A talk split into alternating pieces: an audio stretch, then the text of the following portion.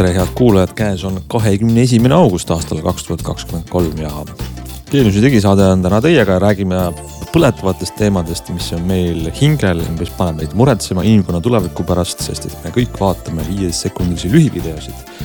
lisaks räägime tänases saates uudsetest kõrvaklappidest ja käekellast, võib-olla isegi neist mõlemast koos. pöörame tähelepanu sellele, kuidas Facebooki konto vargusega hakkama saada või siis vähemalt edastame appikarje universumisse. Ja lõpuks tarbija näpunäiteid telekate ja kohvimasinate maailmast. selline saade. no hakkame pihta ja no tutvustuseks lisan veel seda, et tänases saates on kaks inimest, Hans Lõugas, Glen Pilvre. kuidagi iga korraga jääb meid vähemaks. Glen, mis sa arvad, kas siis varsti niimoodi saates on Glen Pilvre või ainult Hans ja siis on null, teeb ai saadet ma arvan, et varsti ei olegi enam kedagi ja, ja võib-olla ka keegi ei kurvasta selle üle, sest et äh, ausalt öeldes no ai-st me täna ei räägi, aga võiks sellest kindlasti kunagi rääkida, sellepärast et ai ikkagi räägib palju ja osavalt ja, ja seda ongi. mina arvan, et ai-l on huvitav iseennast kuulata, aga meie saade on inimeste tehtud ja inimeste kuulatud.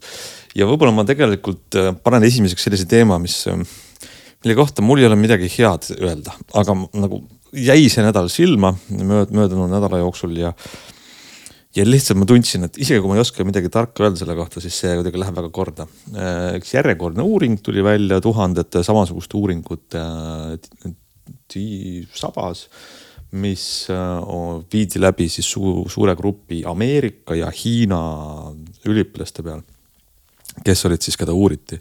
uuringu eesmärk oli aru saada, kuidas mõjutab nende hakkamasaamist ja tähelepanuvõimet mm, see suures koguses lühivideote vaatamine ehk tõlgime selle siis inimkeelde, kuidas TikTok ja nüüd ka Youtube Shorts mm, mõjutab inimest.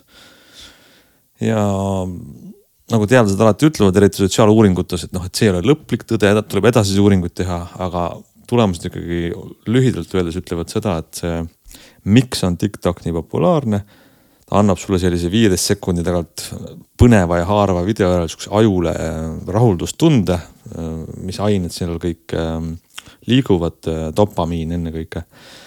ja see pidevalt annab sinna sõltuvust, ma tahan seda veel ja veel ja veel. mul on seda väga mugav teha töö ja suhtlemise, kodutööde, kõige muu kõrvalt, millesse ma muidu oleks süvenenud, siis nüüd on mul lihtne võtta lahti telefon, vaadata paar videot ja see põhimõtteliselt hävitab meie võime mm, keskenduda. see siin ei ole iseenesest loomulikult ei ole midagi uut, aga võib-olla mida siis, mida siis öelda kasulikku või konstruktiivset, et neid uurimusi on ju tehtud ka rohkem kui see, see üks ja, ja ega põhjus, miks see kõik nii on, võib-olla sellest ei olegi paljud niimoodi kõva häälega rääkinud ja võib-olla ka uurinud, et, et miks siis need igasugused Tiktokid ja sellised lühiplatvormid nii kaasakiskuvad on. et, et tegelikult äh, inimeste ajus nimelt äh, toimub täpselt sama, sama reaktsioon või, või samad ained või sama, sama asi, kui me, kui me saame mis tahes kiiresti muutuvat äh, nagu stimulatsiooni ehk et hea näide on siin võib-olla just võib-olla nagu gambling või siis ütleme, need, need masinad, hasartmängu mm -hmm. nagu need aparaadid, mis tegelikult hästi väikese aja jooksul annavad sulle tulemuse ja see tulemus on Just. mõnikord halb, see tulemus on mõnikord hea. aga sul tekib äh, nagu sõltuvus sellest äh, muutusest, et seal on yeah. ilmselt mingi psühholoog ütleks kohe selle termini. et mis see termin täpselt on, see on mingisugune psühholoogiline kõikuvuse muutuvus või mis iganes ja see on nüüd see koht, äh, mida siis tegelikult aju tõlgendab sellise väga hea magustoiduna ja, ja kui see, see protsess pidevalt toimub, siis on ajul hea ja siis on inimesel hea ja tegelikult täpselt siis samalaadne asi hakkab juhtuma ka siis, kui, kui me vaatame neid lühivideoid, mis tõesti ju sekundite jooksul juhtub ja ja noh, nüüd eriti nagu halb lugu või keeruline lugu ongi see, et kui seda hakkavad tegema lapsed, kelle aju tegelikult alles noh, ikkagi veel mingil määral äh, läheb paremaks loodetavasti. siis kui ta, kui ta saab kohe siis sellise nii-öelda dopamiinilaksu või mis iganes aine, aine sellise sõltuvuse, noh ei mõjuta seda võib-olla pikas perspektiivis hästi või, või noh, sellele on raske anda tegelikult hinnangut, kuidas ta mõjutab, aga, aga ilmselgelt ta jätab mingisuguse jälje. Jah, sest et äh, sa harjud tegema seda tänu muutusele, sul on, sa oled mõnes mõttes passiivses rollis, sa ainult keerad uue video ette ja sa ei fokusseerib, ei pinguta oma keskendumist siis näiteks, et äh, meelega välistada sind segavad faktorid, lugeda raamatut või tegeleda mingisuguse käsitööga pikemalt, et sul on lihtne ja see on tegelikult, see ei ole mingi väga suur teadus. ma arvan, et kui me vaatame ringi tänavatel, bussipeatustes, bussides äh,, poejärjekordades. Ja see ei puuduta ainult lapsi, laps, lastel on see eriti nagu. mul on nagu mure meie, meie inimkonna laste pärast praegu, sest need, nemad on tõesti nagu sa ütlesid, arenevad on ju, aga tegelikult täiskasvanud ka, et iga hetk on sul võimalik võtta välja taskust telefon. Mm.. paned paar videot hinge alla nii-öelda ja siis lased edasi mm. -hmm. aga noh, meie, me oleme täiskasvanud, me oleme lubjastume on ju, meil ei ole siin midagi teha, las läheb. aga mis saab järgmisest põlvkonnast, kuidas nad no, õpivad, kas nad suudavad lugeda üldse, appi, ma nüüd lähen paanikahoogu ja ei no aga, aga ega, aga nii ka on, siis väga, väga paljud lapsed lähevadki ju paanikahoogu ja, ja, ja see tendents tegelikult äh, on, on ju kogu aeg olemas, et me oleme läinud järjest selliste lühemate stimulaatorite poole, eks ole, et. et kui, kui sa tänasele lapsele ilmselt ütled, et noh, tee midagi ägedat ja ütled, et selleks sa pead harjutama näiteks aasta aega, siis ilmselt see laps vaatab sulle lolli näoga otsa ja ütleb, et kuule, et kui ma What? viis minutit harjutan ja seda ägedat asja ei tule, siis ma teen Just. midagi muud või Nii üks minut või viisteist sekundit. või üks minut, viisteist sekundit, et see on tõesti natukene see koht, et iseenesest kõik need oskused ju vajavad aega. samas sellel asjal on ka üks võib-olla positiivsem külg, mis noh, ma ei tea, kas see on nüüd positiivne külg, aga teine külg on see, et neid videoid siiski täna veel ei tooda ai. et neid toodavad ju ka inimesed ja võib-olla ka mõnikord lapsed.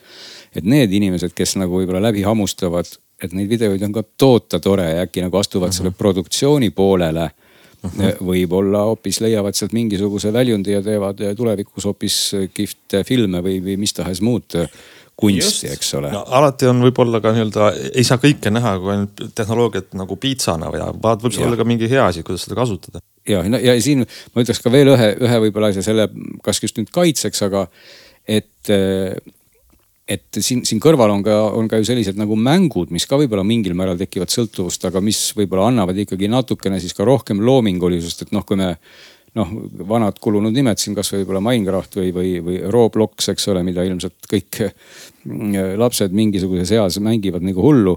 et, et noh, omal ajal lihtsalt meie jaoks, noh, kui me oleme juba siin sellised varsti mingisugused vaarisad või, või vaaremad ja võtame sõna, eks ole, meie jaoks lihtsalt oli aeg teine, stimulaatorid olid teised, aga põhimõtteliselt see aju ikkagi suures plaanis oli ju suhteliselt sama, et.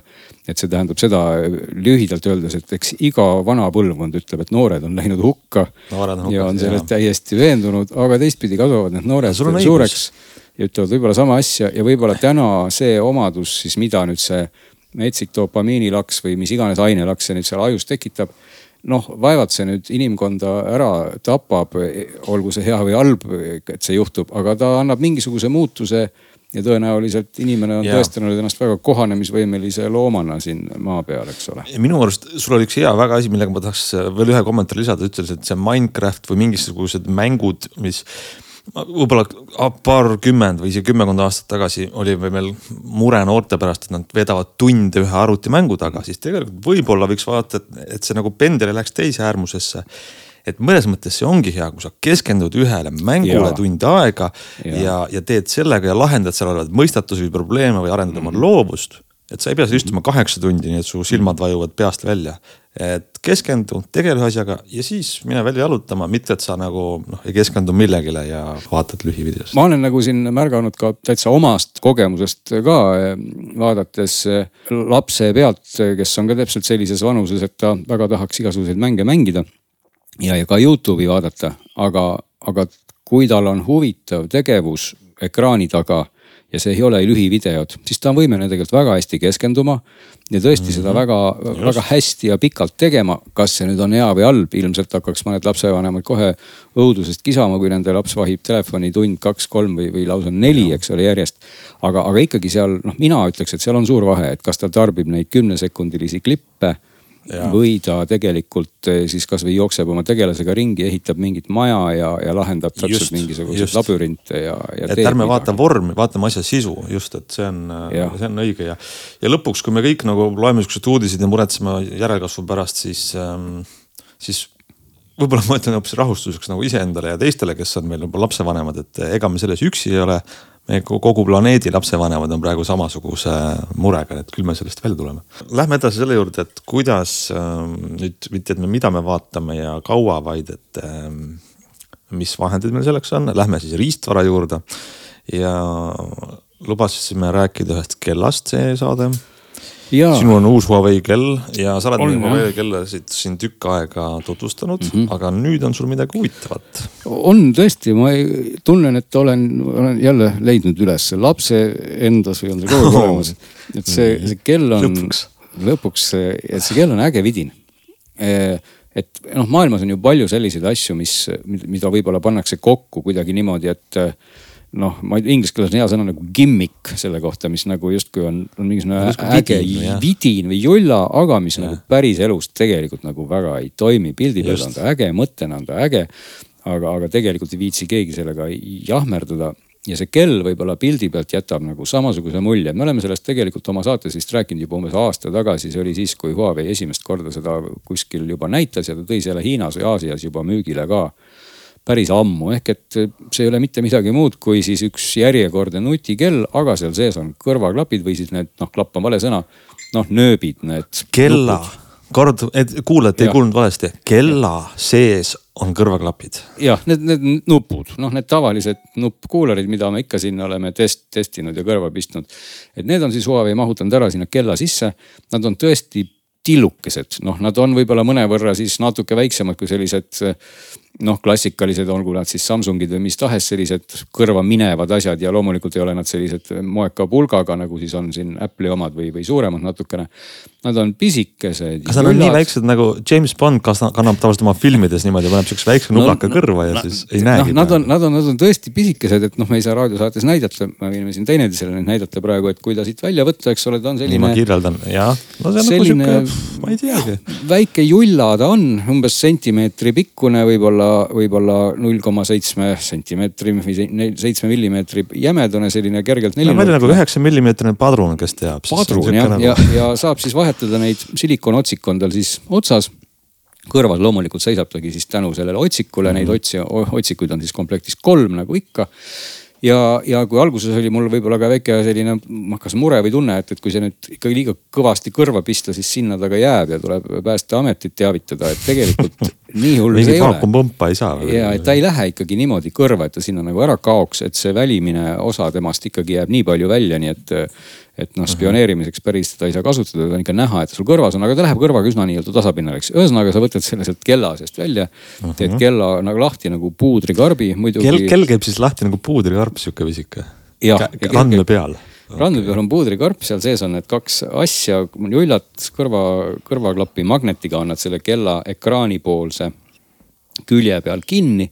küll see karp, ma ütleks juba tootearendust tahaks öelda, et see puudrikarbist rääkides võikski see olla peeglitega, et ma tunnen isegi praegu puudust, olgugi et ma tihti nina mm -hmm. ei mhm. puuderda. miks, miks mitte ei võiks seal olla peegelpind seal sees no,? et, et see nagu kella sihverplaat tõuseb üles ja Just. siis aga mis siis praegu seal sees on, lihtsalt must no, siin on must jah, siin ei ja. ole mitte midagi sellist must, et see on nagu jäänud natuke disaineritel nagu kuidagi kahe, kahe kõrva vahele see koht, et, et oleks. kuulsite klõpsu võib-olla praegu, siis see klõpsuga läks nüüd kinni jah? klõpsuga läks kinni, täpselt nii, nüüd on siin sees, kell muidugi tuletab ka meelde, et kui need äh, kõrvaklapid on siit väljas, siis ta ütleb kohe, et palun sulge luuk, et, et, et ma nagu ei unustaks seda kuidagi tillerdama lahti. ja no äh, funktsionaalsus, ma just ütlesin, et, et ta ei ole selline gimmick, et ta, miks ma olengi nagu e-, erutunud rõõmsalt et see on täiesti toimiv toode. see, see kellakorpus on noh, ma ei tea, tehnilisi andmeid mul ei ole lihtsalt praegu nina all, eks ta on umbes sentimeetri paksune. aga võib öelda, et, et kuna selle kella ekraani serv on selline ümar et siis mhm. -huh. ta ei ole selline nagu kell, mis jääb sulle igale poole varrukate taha kinni ja, ja. et sa ei taju seda paksust üldse tegelikult halvasti, ta ei ole absoluutselt siis nagu suurem kui ütleme, selline keskmine nagu ikka selline noh, suuremat sorti nutikell täna on. ja sa võtad need asjad sealt välja, pistad nad kõrva ja see kõik töötab, et nad on mürasummutusega, aktiivsega, et seal on siis see nii-öelda müravõimendus, mürasummutus. ja, ja mis on siis nagu võib-olla korraga hea või halb, et, et kui sul õnnestub noh, ütleme siis halb, halb on see, et, et selleks, et oleks hea sound või hea heli tuleb nad kõrva ikka pista nagu väga hermeetiliselt, et, et kui siin ma olen mingites saadetes, ma mäletan väga kiitnud näiteks siin Bose, Bose'i neid kuularinuppe ja midagi siin veel, mida sa võid justkui panna nagu lõdvemalt kõrva ja, ja sulle tuleb kohe hea bass ja kõik on nagu heli suhteliselt tasakaalus. siis nende puhul on küll niimoodi, et kui see otsik sul ikka selle sinu kanaliga kuidagi ei, ei haagi ja jääb sinna mingisugune leke vot siis sealt eriti tüsedat heli ei kosta, aga kui sul õnnestub ta kõrva saada ja, ja see ei ole minu kõrvade puhul olnud lihtne, võib-olla mul on mingid erilised kõrvad või vastupidi. kui ma siin mingi paar minutit vannun ja keeran ja jahmerdan, ma olen saanud nad kõrva hästi ja siis nad kõlavad erakordselt hästi, et ma, ma ütleks, et nad on väga-väga hea heliga.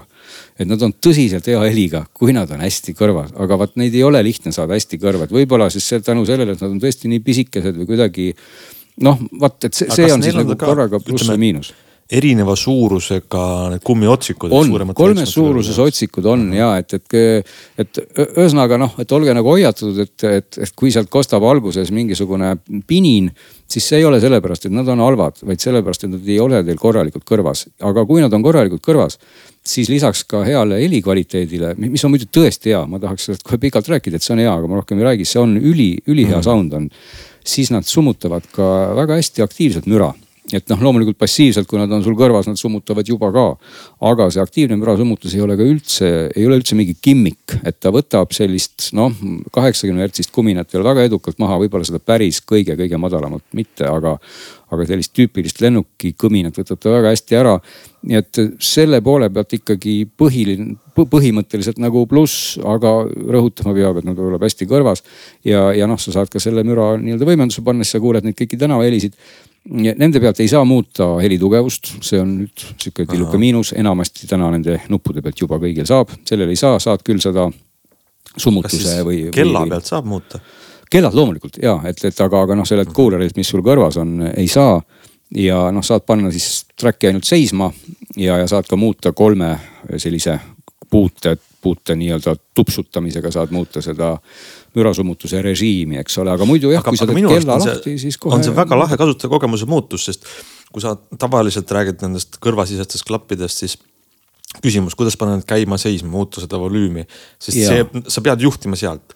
ainuke variant on telefon võtta, aga mm -hmm. sellel mudelil on, on ju kell on sul alati käe peal, et kell ja. on nii-öelda see integreeritud osa, et siis võib-olla mul olekski mugavam mitte tõsta kätt kõrva juurde, vaid panna teise randme peale käsi on ja selles mõttes on täitsa õige tähelepanek, et kogu see kasutajaliides on toodud kella peale väga Just. hästi välja. Ja. nii kui sa need omale kõrva pistad, sul tegelikult avaneb seal kohe noh, väike settingute menüü koht, kus on need kuularid, klõpsad sinna supsti peale ja, ja on seal kohe väga selged need valikud, et valime režiimi. seal on ka equalizer'i profiilid kolm tükki eelseadistatud, kuulame rohkem bassi ja, ja kuulame rohkem kõrgeid sagedusi ja, ja häält. nii et kõik selline põhiline on olemas, sa saad seda kella pealt juhtida ja, ja noh, mida siis nüüd veel öelda, kuulad ära, paned kella sisse tagasi, nad laevad ennast suhteliselt nobedalt sellest kellast täis. Mm.. sul on võimalik ka siis kellast küll öelda selline nagu seadete valik, et sa tahad akut säästa ja kell laeb neid ainult siis, kui kell ise laeb. Et noh, sellise võimaluse on nad ka mhm. pakkunud, et, et, et justkui jah, et sa siis võib-olla ei taha seda kellaakut nagu kogu aeg kasutada, sest muidu tekib selline äraspidine olukord, kus kell eelistab nagu neid nuppe ehk et, et kell hoiab nuppe kogu aeg saja protsendi peal, aga kui kell ise on juba nullis, noh siis on sul olukord, kus kell enam ei tööta, aga, aga nupud veel töötaksid, eks ole, et. et siis on sul võimalus nagu läheneda teistpidi, et, et lased need nupud nulli ja ja kell no, töötab, eks ole. see on lahe, ma huvi pärast vaatasin siin millimeetreid järgi, et tal on viisteist millimeetrit paksus, mis muidugi on nagu paksemate kellade kategooria, aga ta ei lähe ikkagi tõesti, ta ei lähe nagu väga hulluks, sest. ta nagu ei tundu. teisedki jah. Huawei kellad on siin kolmteist millimeetrit ja need on siuksed kogukamad kellad nagu üldse on ju. ja no rolli mängib nagu see klaasi, klaasinurk, et ta on tõesti mm. väga õnnestunud on see disain ja, ja noh, aku vastupidavus, mida ma olen alati ka ise ju küsinud kellade Nii. puhul raske on siin anda üldist hinnangut, Huawei ise ütleb, see on kolm päeva ja selle noh, väikses kirjas on seal all mingi terve suur paragrahv, kuidas siis tuleb kella kasutada. ja tegelikult tuleb siis selle kolme päeva nimel seda kella päris usinalt kasutada, et see tähendab seda, et sa justkui iga päev ikkagi tund aega kuulad muusikat, vist pool tundi räägid telefoniga või oli see veel kauem ja ja mingi tund aega jooksed ja, ja nelikümmend kaks minutit ronid ja viis minutit ujud ja ühesõnaga mingi väga keeruline profiil oli paika pandud, mida sa siis kõike teed. tihedad päevad on. Tihe päev, et see kell siis peab vastu kolm päeva, no minul nii tihe päev ei olnud. tõsi, mingitel päevadel ma ka ikkagi rääkisin suhteliselt palju just hands-free'd kasutades nagu telefonikõnena. ja, ja siis kuulasin ka natukene podcast'e ja, ja kolm päeva ongi selline väga realistlik, isegi võib-olla neli, aga kui ma nüüd tõesti üldse ei uju ja ja ei räägi ja ei kuula, ma võiks ka, julgeks arvata, et, et see kell peab ka kauem vastu ja võib-olla kui ma kõike seda jälle väga palju teen, siis peab ta jälle vähem vastu. aga kindlasti ei ole ta selline ühe päeva kell, et ta mm, -hmm. ta on nagu kindlasti kahe-kolme päeva kell on ta nagu iga kell, võib-olla isegi rohkem. ja, ja noh, kogu see mõte, et sul on ikkagi täitsa toimiv, hea kvaliteediga selline lahendus seal sees see, see töötab, no veel miinustest rääkida, ta ei ole päris veekindel, ta on IP54, mis on mis selline, see on natukene tolmu ja pritsmeid jah, et sa võid teda küll mingi survepesuriga vist umbes pesta, aga, aga päris vee alla sa ei tohiks temaga kindlasti minna. ja, ja tal ei ole siis sees ka mikrofoni, seda kõlari võimalust, noh selleks ongi need nupud ise, nii et kui keegi sulle helistab, sa tahad siis kasutada seda hands-free'd, käed vabad, siis sa lihtsalt ikkagi pead vähemalt ühe selle nupu sealt seest välja äh, sikutama ja omale kõrva pistma. ja nagu, äh, nagu siis ka me vist eelmises saates juba jõudsime mainida või oli see kusagil mujal. et kell saab aru kumb on parem kõrv ja kumb on vasak kõrv. nii et nendel tegelikult ei ole vahet, et kui sa pistad nad valet pidi kõrva. kas klapid siis... on nii-öelda universaalsed jah? Nad on universaalsed, nad on täpselt sümmeetrilised no. igas mõttes täpselt nagu Väga kaksikud. ja, ja kui sa pistad nad tagurpidi juhtumisi kõrva või ajad need vasak-parem segamini, siis möödub kõigest mingid sekundid ja ütleb sulle range naise hääl, et äh, klappide see polaarsus on ümber vahetatud inglise keeles või noh, et right and left is switched keegi sekretär istub ja kontrollib, et. istub ja kontrollib ja teeb seda väga tõhusalt, et kas ta siis vaatab kuidagi seda nurka või, või midagi ta seal vaatab, vot see jääb natuke saladuseks. igal juhul järjekordselt ka see ei ole mingi gimmick, see kõik töötab. nii et äh, lühikene kokkuvõte pikale jutule on, et see on täiesti päris toode, kui need teie kõrva hästi sobituvad ja teile meeldib kuulata nende nuppudega asju siis. vist ei öelnud äh, selle toote nime, selle nimi on Huawei Watch Buds. ja, just. aga kas sa tead ka, mis, mis äh, hulga raha tuleb nende eest? no näed, seda ega meie kui tehnikatestijad vaatame alati väga laisalt ja viimasena, et äh, viiesaja kandis ja näed, ei ole mul olnud nii palju aega, et vaadata seda täpselt müügihinda. võime seda isegi saate ajal võib-olla teha, et, et kes ja kus neid müüvad. nii et ei ole ta tõesti nüüd päris saja eurone toode. sul on õige sa panid mööda ühe sendiga, nelisada üheksakümmend üheksa, üheksakümmend üheksa. no näed, siis ma puusalt panin õige numbri kohe niimoodi laksti, et mm -hmm. tõepoolest, et kui sa nüüd mõtled niimoodi, et sa ostad omale näiteks kasvõi siin mingid väga hea sound'iga posed, maksavad täna seal kakssada viiskümmend, kolmsada eurot. ja siis mingisuguse Redmi kella, mida Meelis meil siin väga kiitis paar saadet tagasi siis sa saad omale tegelikult need kaks asja ilmselgelt odavamalt kätte ja, ja, ja, ja sa võid veelgi võib-olla neid komponente valida ja saad veel odavamalt kätte, nii et, et ega ta nagu liiga odav toode selles mõttes ei ole, et sa teed ikkagi järeleandmisi selles kellas. sa teed natukene järeleandmisi kindlasti nende kuularite võib-olla kõrvasiseses sobivuses ja, ja nii edasi aga selle kõige plussiks on see, et ta tõesti sul alati käe peal ja, ja noh, see lahendus töötab, nii et ähm, kui mul on selline üleliigne raha ja ma olen tehnikahuviline, kõrvaklapi huviline, siis see on sümpaatne toode no väga kihvt, igatahes midagi uut ja põnevat, see on alati tore kuulda. aga võtame nüüd kiirelt kaks väikest äh, teadaannet veel ja siis lähme järgmise ploki juurde. esimene teadaanne on meie kuulajalt. kahjuks ei ole rõõmus uudis, vaid on halb uudis. meie kuulaja, kes on äh, meile kirjutanud abipalvega sellise murega, et ta, tema jäi ilma oma Facebooki kontost, mida viisteist aastat kasutas ja üks hetk sai siis, nägi, et on logitud välja oma telefonis Facebookist. leidis oma spämm folder'ist ka teadaande, et, et tema Facebooki kontoga on seotud uus email mingisugune suvaline nimi, at mail.ru mm. ja tema originaalne siis asus parool ja emaili aadress on vahetatud. ja mingi ühegi viisi kaudu enam tagasi ei saa, ei saa lisada oma originaal isiklikku emaili ja parooli.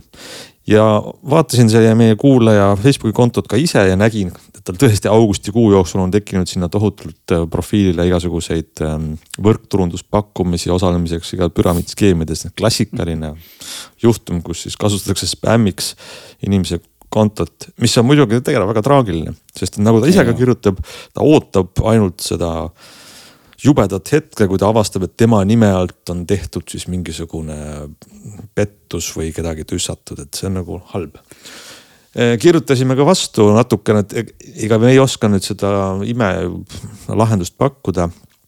Brit Mesipuu oli meil saates paar, eelmine aasta või, või isegi võib-olla kaks aastat tagasi.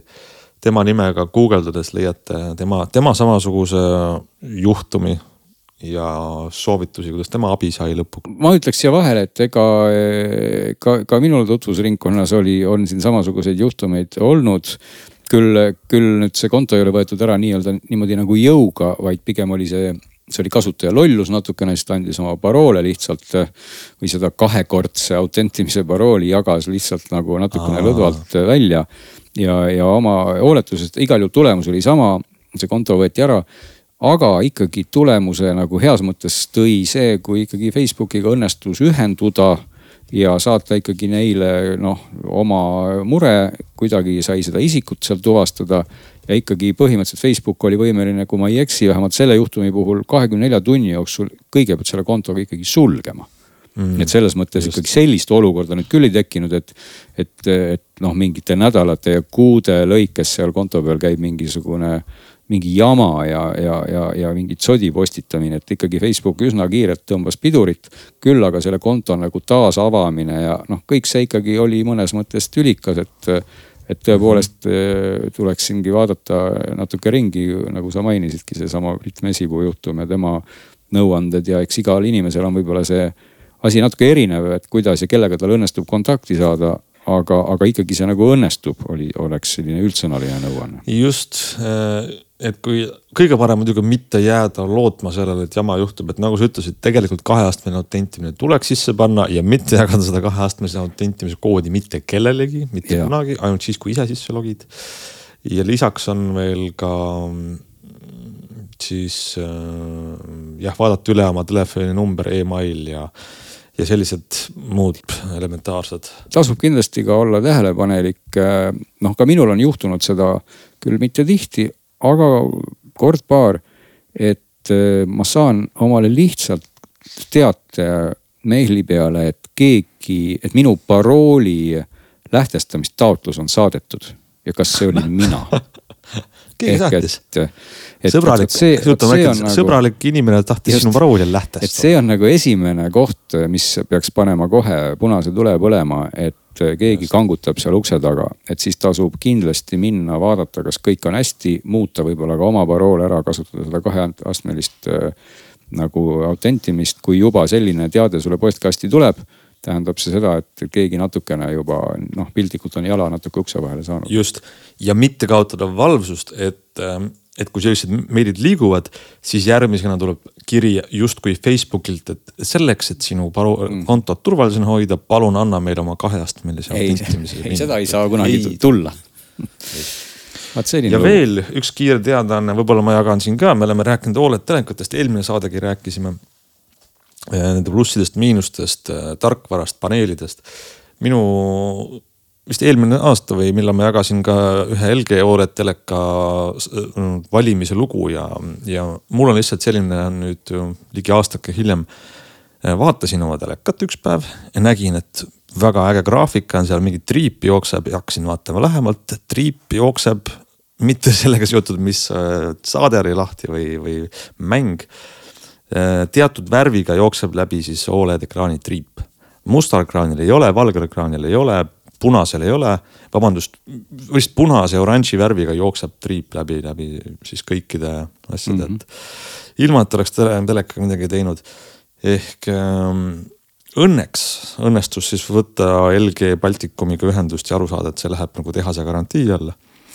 aga telekatel tänapäeval äh, riistvara ei saa juppide kaupa vahetada, et ma ei tea, üksikuid piksleid või elemente, et kogu paneel vahetatakse välja mm. -hmm. nii et kui teha juba selline suur ost, et ähm, võib-olla sihuke neljakohaline summa teleka alla panna, siis ma ei tea, meie tarbija soovitus oleks küll ja minu isiklik, et võtke mingi pikendatud garantii, isegi kui see maksab mm -hmm. tsipaka veel rohkem.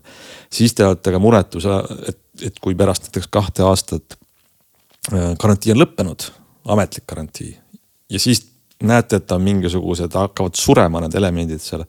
siis ei, neid ei saa niisama remontida, et uue paneeli hind on sisuliselt uue teleka hind, nii et. et kalliste asjade puhul garantii on, on kasulik. on ja seega siin ei ole jah pikalt midagi öelda, tasubki lihtsalt alati sellise asja ostes seda garantii tingimusi ja, ja aega tähele panna, sest teadupärast ka võib olla mingeid erisusi ju siin, kes võib-olla kasutab tehnikat ettevõtte nimel, kes seda eraisikuna. et seal, seal võivad samuti olla erisused. Jah, et, et, et võib-olla öeldakse lausa, et mõnel juhul see garantii polegi üldse kaks aastat ja on seal mingisugune muud kohustused või vastupidi. Ja, ja oli ka aastakümneid või vähemalt aastaid tagasi minul kogemus ühe Philipsi telekaga, mis ei olnud äh, sugugi siis mitte veel tookord Oled, aga umbes, kui ma ei eksi, oli see vist kolm-neli aastat ja, ja ka paneel ja enam ei töötanud ja ega see lõppeski niimoodi, et ostsin uue teleka, sest et yeah., sest et seal ei olnudki midagi muud vahetada, mulle tehti küll pakkumine selle paneeli hinna kohta, aga noh. aga see on see, teleka hind põhimõtteliselt. see oligi teleka hind ja seal noh, ei olnudki mõtet enam sellega sahkerduda ja jahkerduda, nii et loomulikult. õppige teiste vigadest inimesed. jah, garantii ei kata loomulikult kümmet aastat ja öeldakse vist statistiliselt muidugi, et teleka vahetamise aeg on seal kusagil viis-kaheksa aastat eh, keskmiselt meil selles. aga see on ka okei okay,, sest siis, siis on äh, uus tehnoloogia väljas viie-kaheksa aasta jooksul, aga kui te ütleme tüüpiline eraisikust ostja puhul on kaks aastat garantii ja. ja siis kaks pool aastat on möödas ja, ja olete hädas, siis. siis küll jah. garantii aitaks, kui saaks natuke juurde. kuulge, aga mm, tuleb isu võtta tass kohvi selle jutu peale minul vähemalt, sest mina joon kohvi iga päev võib-olla pühapäevad jätan vahele, aga mulle väga maitseb hea kohv. ja Glen, ma ei teadnud varem, et sina oled suur kohvifänn. aga nüüd sa oled joonud kõvasti. pean omale raputama tuhka pähe, et kõik mind tundvad inimesed, kellega ma läbi käin, ilmselt teavad väga hästi, et ma ei joo kohvi mm. -hmm. aga, aga sattusin, no näed, teaduse nimel tuleb ohverdada ennast ja, ja teen ma ju digisse neid suuri teste juba üsna pikka aega ja ja testida tuleb ikkagi kõike, mille sees on elekter ja, ja mis mõnikord liigub ja, ja mõnikord suriseb ja mõnikord pilti näitab ja siis nüüd on selleks asjaks osutunud siis kohvimasinad. Ja võtsime kätte ja, ja vaatasime siis lähemalt uusi noh kaasaegseid espresso masinaid. Euronixist äh, seitse tükki sai neid siis erinevatelt firmadelt äh, kokku äh, otsitud ja ega mingisugust väga suurt sisulist äh, nagu eeltööd me väga ei teinud. pigem oli see lihtsalt see, et ta peaks olema siis võimalikult selline automaatne tark masin hinnapiirides ka kujunes see pigem töö käigus, et kõige odavam nendest masinatest maksis seal viiesaja euro ringis ja kõige kallim oli tuhat kaheksasada eurot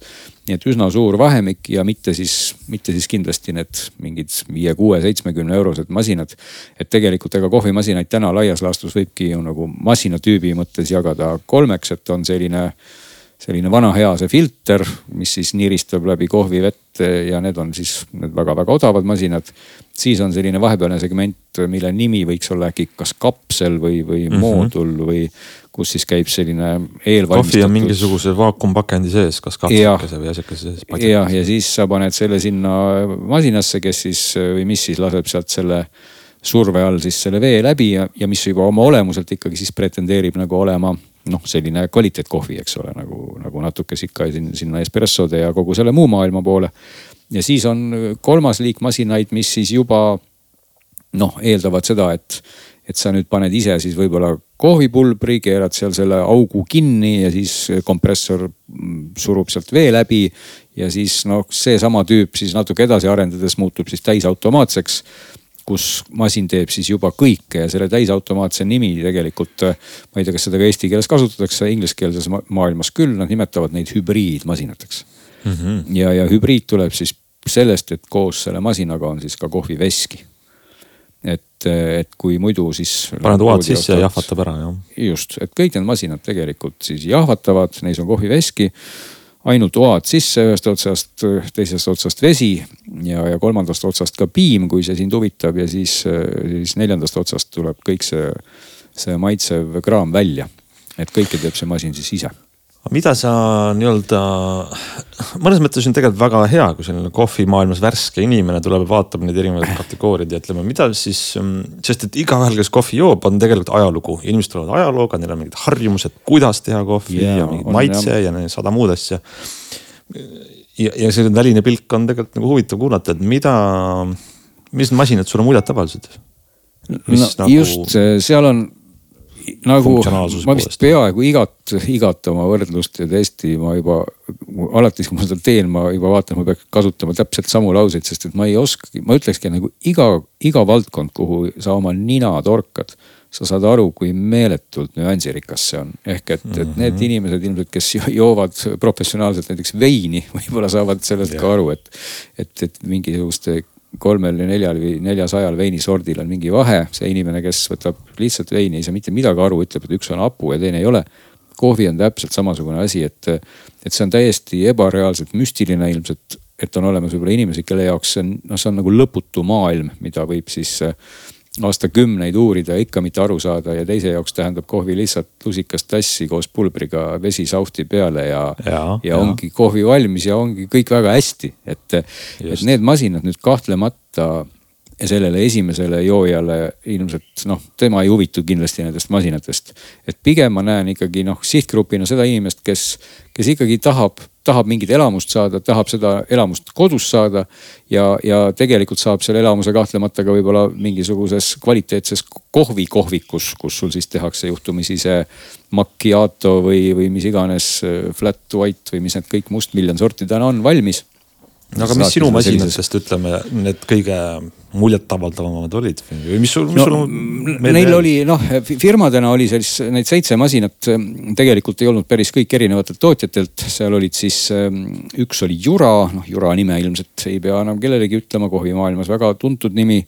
siis oli kaks Saecot, üks oli Philips ja siis oli seal kaks Nivonat ja üks oli DeLonghi, et need olid need mm. nimed ja täna muidugi, kui vaadata sellist nagu tehnika tootmise tausta, siis eh, nii mõnedki masinad tegelikult tulevad samadest tehastest ja isegi, et mitte isegi öelda sama disaineri laua tagant, sest et Philips teadupärast juba aastal kaks tuhat üheksa ostis ära selle Saeco brändi kes oli ennem siis ka tuntud ikkagi selles maailmas ja on tänaseni. Ja Philips ei ole seda Saecot sugugi mitte nagu prügikasti visanud, vaid pigem ta toodab nagu mõlema nime alt, ta teeb siis nii Philipsi masinaid kui Saeco masinaid kõiki uh -huh. neid teeb Philips.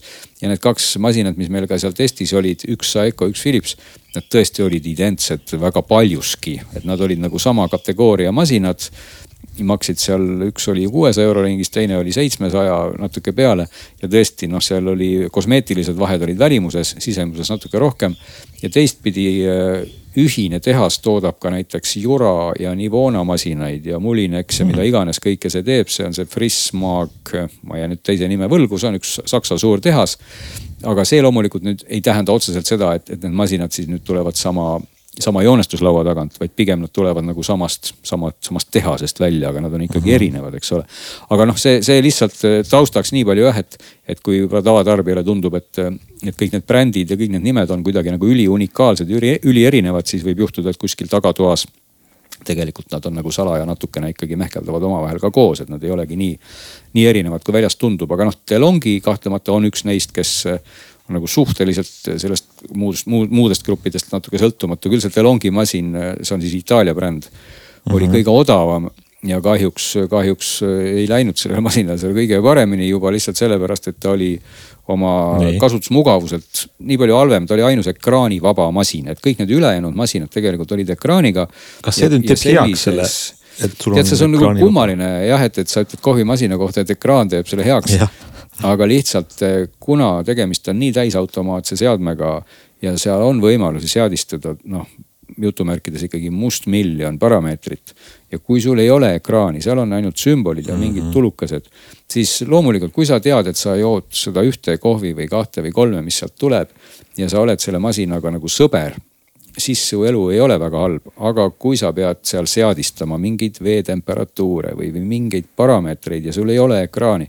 siis üsna varsti saad aru, et noh, et kasutusjuhend peab olema sul kogu aeg kõrval ja noh, rääkimata ka masina nagu esmasest käivitamisest, et loomulikult, kui ma teen sellist nagu testi.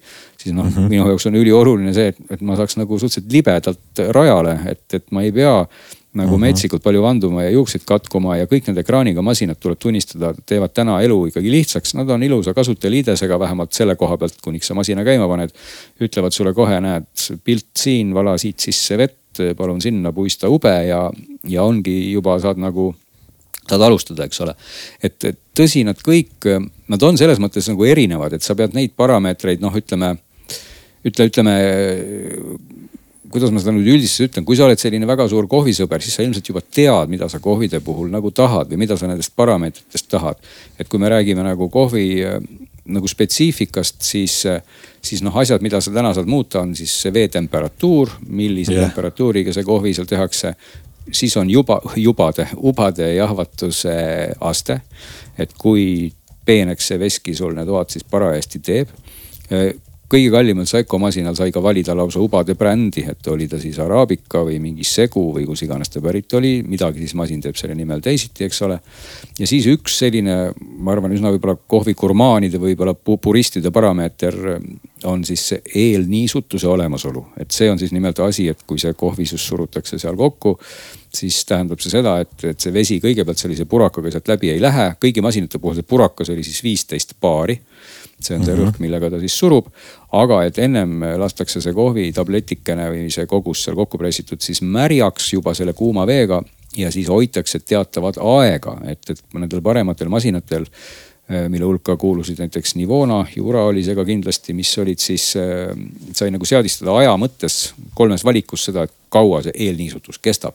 ja siis noh, parameetrina küll oli see erineva nimega välja toodud, aroom näiteks või et see on siis just see asi, mis ei ole siis otseselt sõltud, sõltuv või ei ole, ei ole kohvi kangus, eks ole mm. -hmm. vaid on just see nagu maitsebukett, eks ole, et kui sa seal siis seda eelniisutad kauem, saad sa sellise intensiivsema maitse teistpidi võib-olla mingisuguste ubade puhul äkki see on hoopis halb, et äkki tuleb mingisugune kõrvalmaitse, mis sulle võib-olla väga ei meeldigi, nii et need on nagu need parameetrid, mida võib-olla, kui hakkate masinat ostma, tasub siis nagu vaadata, et kui sa oled selline suur kohvifänn ja aroomisõber siis võib-olla oluline on, et see parameeter seal oleks.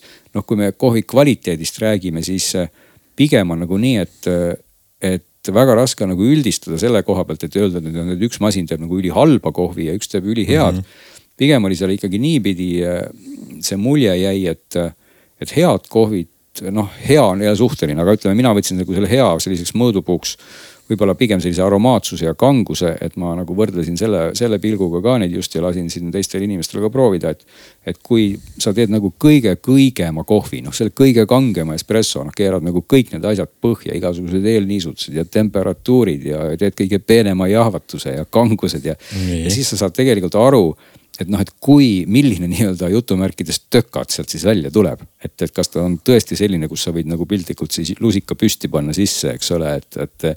et see nagu andis natukene seda aimu, et kui palju suudab siis erinev masin sellest samast kohvist välja pressida Aha. seda, seda essentsi, eks ole, ja. ja tuleb nagu tunnistada, et jah, Philips jäi seal natuke nagu lahjemaks, odavdel ongi, jäi ka natukene lahjemaks Jura oli selle koha pealt väga hea, aga mis väga, mind väga positiivselt üllatas, oli see bränd, mille nimi on Nivona. ma ei olnud seda brändi väga kuulnud okay., see on üks uuematest brändidest. ta väga ei ole ja, levinud tõesti ausalt öeldes. ja Nivona on saksa masin, kõik need masinad muidugi on täiesti Euroopa ikkagi mm -hmm. Šveitsi, Saksa, eks ole. ja, ja Nivona, see oli seitsmenda seeria Nivona, noh, eks seda testi võite lugeda küll septembri ajakirjast, et me siin natuke mm -hmm. praegu ruttame sündmuste käigust ette, kuna mul on veel kohvimaitse suus, oli hea põhjus see nagu ära rääkida. et, et see test ilmub siis alles järgmisel kuul tegelikult. no aga see ongi hea sissejuhatus, et ja, et see oli seitsmenda seeria Nivona, mis, mis jättis mulle nagu erakordselt hea mulje, ta maksis umbes seitsmesaja euro pluss kandis.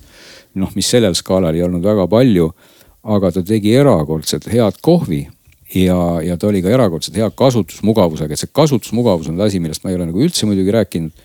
aga, aga see ikkagi ka noh, kui sa, kui sa oled selline seadetega möllaja, kui sa tahad seal neid oma milliliitreid ja mm, -hmm. ja eelnõu niisuguse aegasid ja parameetreid muuta. siis kui see kasutusmugavus on oluline ja Nivona oli lahe, on lähenenud sellele tegelikult nagu väga, väga geniaalselt ja lihtsalt. siin on üks suur ümmargune nupp, mida saab keerata ja vajutada igasugused nupud, mida saab keerata ja vajutada, on alati väga head versus suurte ekraanid ainult. just, väga nõus. sa veensid mind praegu kohe, et see on tõesti eriti, eriti kohvimasina puhul, et, et noh, teistel masinatel, millel siis olid seal ekraanid ja kallimatel loomulikult puuteekraan, kallimal Nivonal oli seal üheksa seeria masin, oli ka puuteekraan, aga õnneks nupust ei olnud loobutud. pigem võib-olla isegi tekitas see nagu natuke segadust, sest sa said kõiki asju ka teha selle nupuga.